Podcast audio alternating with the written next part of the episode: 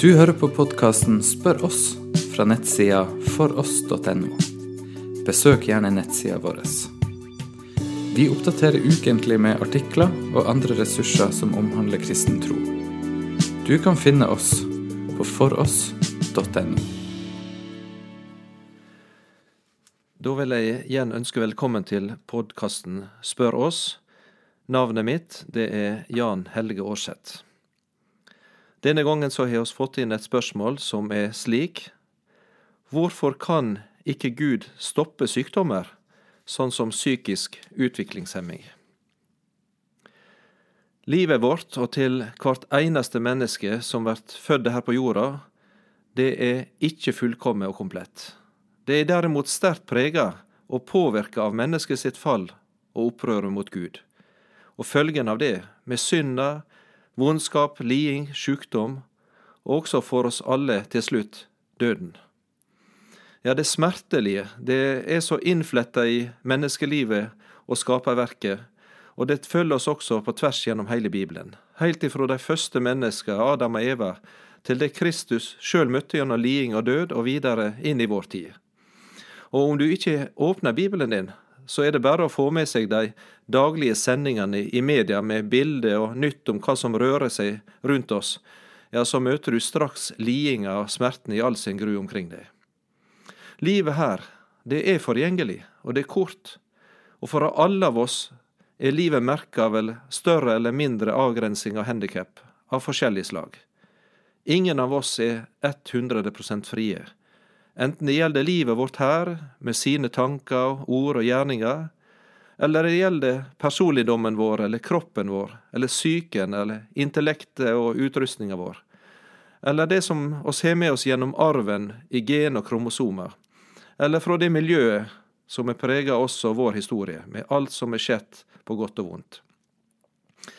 I dette spørsmålet så blir psykisk utviklingshemming kalla sjukdom, men det er ikke helt så enkelt.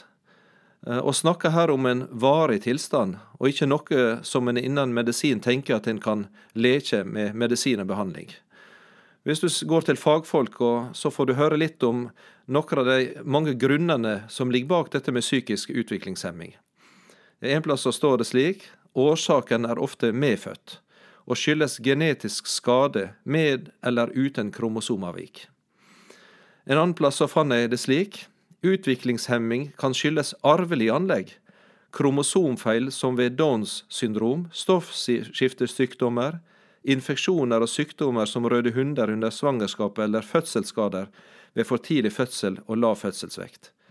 Etter fødselen kan skader i forbindelse med sykdommer som hjernehinnebetennelse, hjernebetennelse eller skader ved ulykker være årsak til utviklingshemming. Dette var fra det store norske leksikonet. Så til spørsmålet. Hvorfor kan ikke Gud stoppe dette? Ja, det hører seg fra han eller hun som har sendt inn dette. Og Jeg tror oss alle kjenner på smerten og fortvilinga som ligger bak disse orda, og møter her noe som mange mennesker, også kristne, har kjempa mye med, dette som blir kalla for lidinga sitt problem. Nå sier Bibelen et tydelig ja. Gud både kan og vil stoppe dette.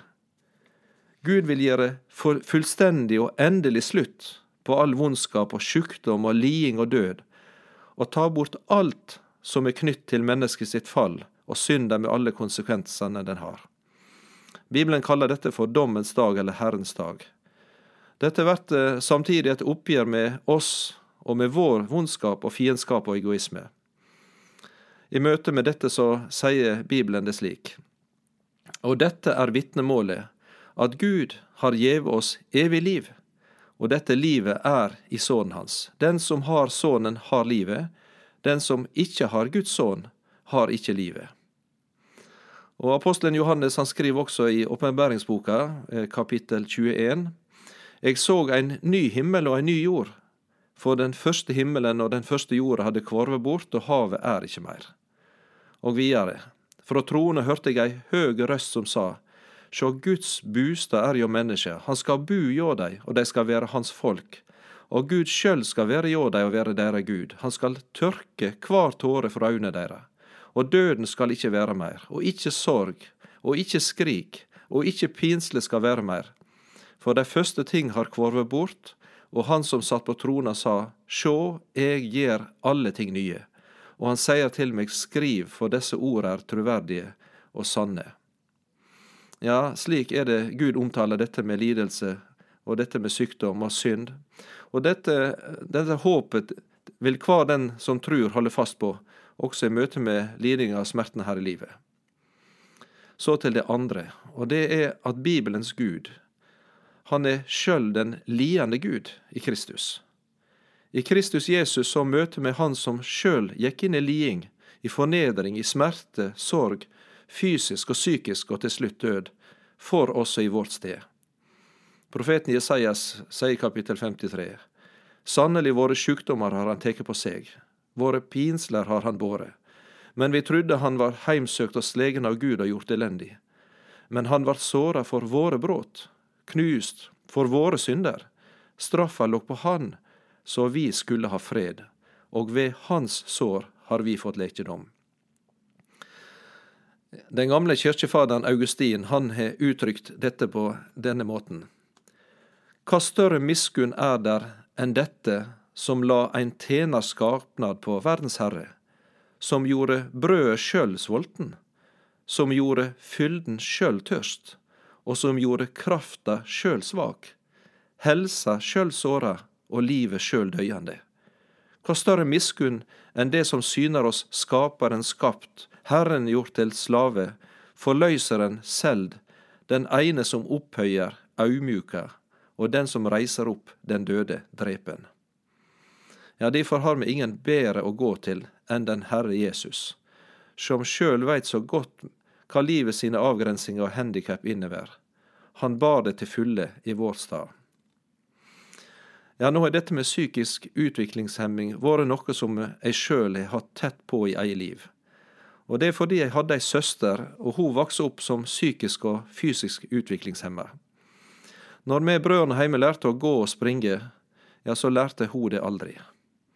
Når vi lærte å snakke, lese og skrive, ja, så klarte hun aldri det heller.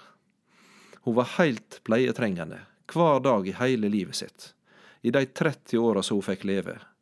Hun måtte stellast og matast og berast hver dag i 30 år, og hun var mi søster og heter Gunvor. Det var likevel nokre få ting som hun kunne veldig godt, og det var å smile og le. Mor mi kaller henne for solstrålen i heimen vår. Der oss brødrene nok ofte kunne være både krevende og egoistiske og vrange av oss. Solstrålen i heimen. Gjennom dette så ble mi handikappa søster til stor velsignelse for oss andre i heimen. Vi lærte hver dag noe om hva hjelpeløse og tillit var. Hver dag så ble oss minnet om noe som, som vi sjøl hadde å være takknemlige for når misnøye og mismotet kom snikende. Hver dag over mange år såg oss i heimen vår eksempel på omsorga i praksis, fra de som stelte henne og hjelpte til med alt det hun trengte. Jeg har alltid sjøl hatt et sterkt ønske om ei søster som var friske som oss andre, som kunne gå og springe og snakke. Men likevel så er jeg takknemlig for mi handikappa søster og det hun lærte oss gjennom sitt korte liv. Mi søster levde sitt liv som et nært og praktisk og konkret eksempel, et vitne på at Jesus elska og ga seg sjøl for de ufullkomne og de hjelpeløse, for slike som henne, og for meg. Ja, Jesus sier det er ikke de friske som trenger leker, men de som har det vondt. Jeg er ikke kommet for å kalle rettferdige, men for syndere til å vende om, i Markus 2, 17. Til slutt så vil jeg ta med et sitat fra Joni Eriksson Tada, som sjøl er sterkt fysisk handikappa etter å ha blitt lam fra nakken og ned etter ei stupelykke, og hun har sagt det slik. Frelseren vår valgte å syne sine egenskaper som Messias gjennom si tjeneste overfor handikappa mennesker. Et handikap gjør Guds nåde enda større. Vi i våre rullestoler er bevis på hvor stor og troverdig Gud er.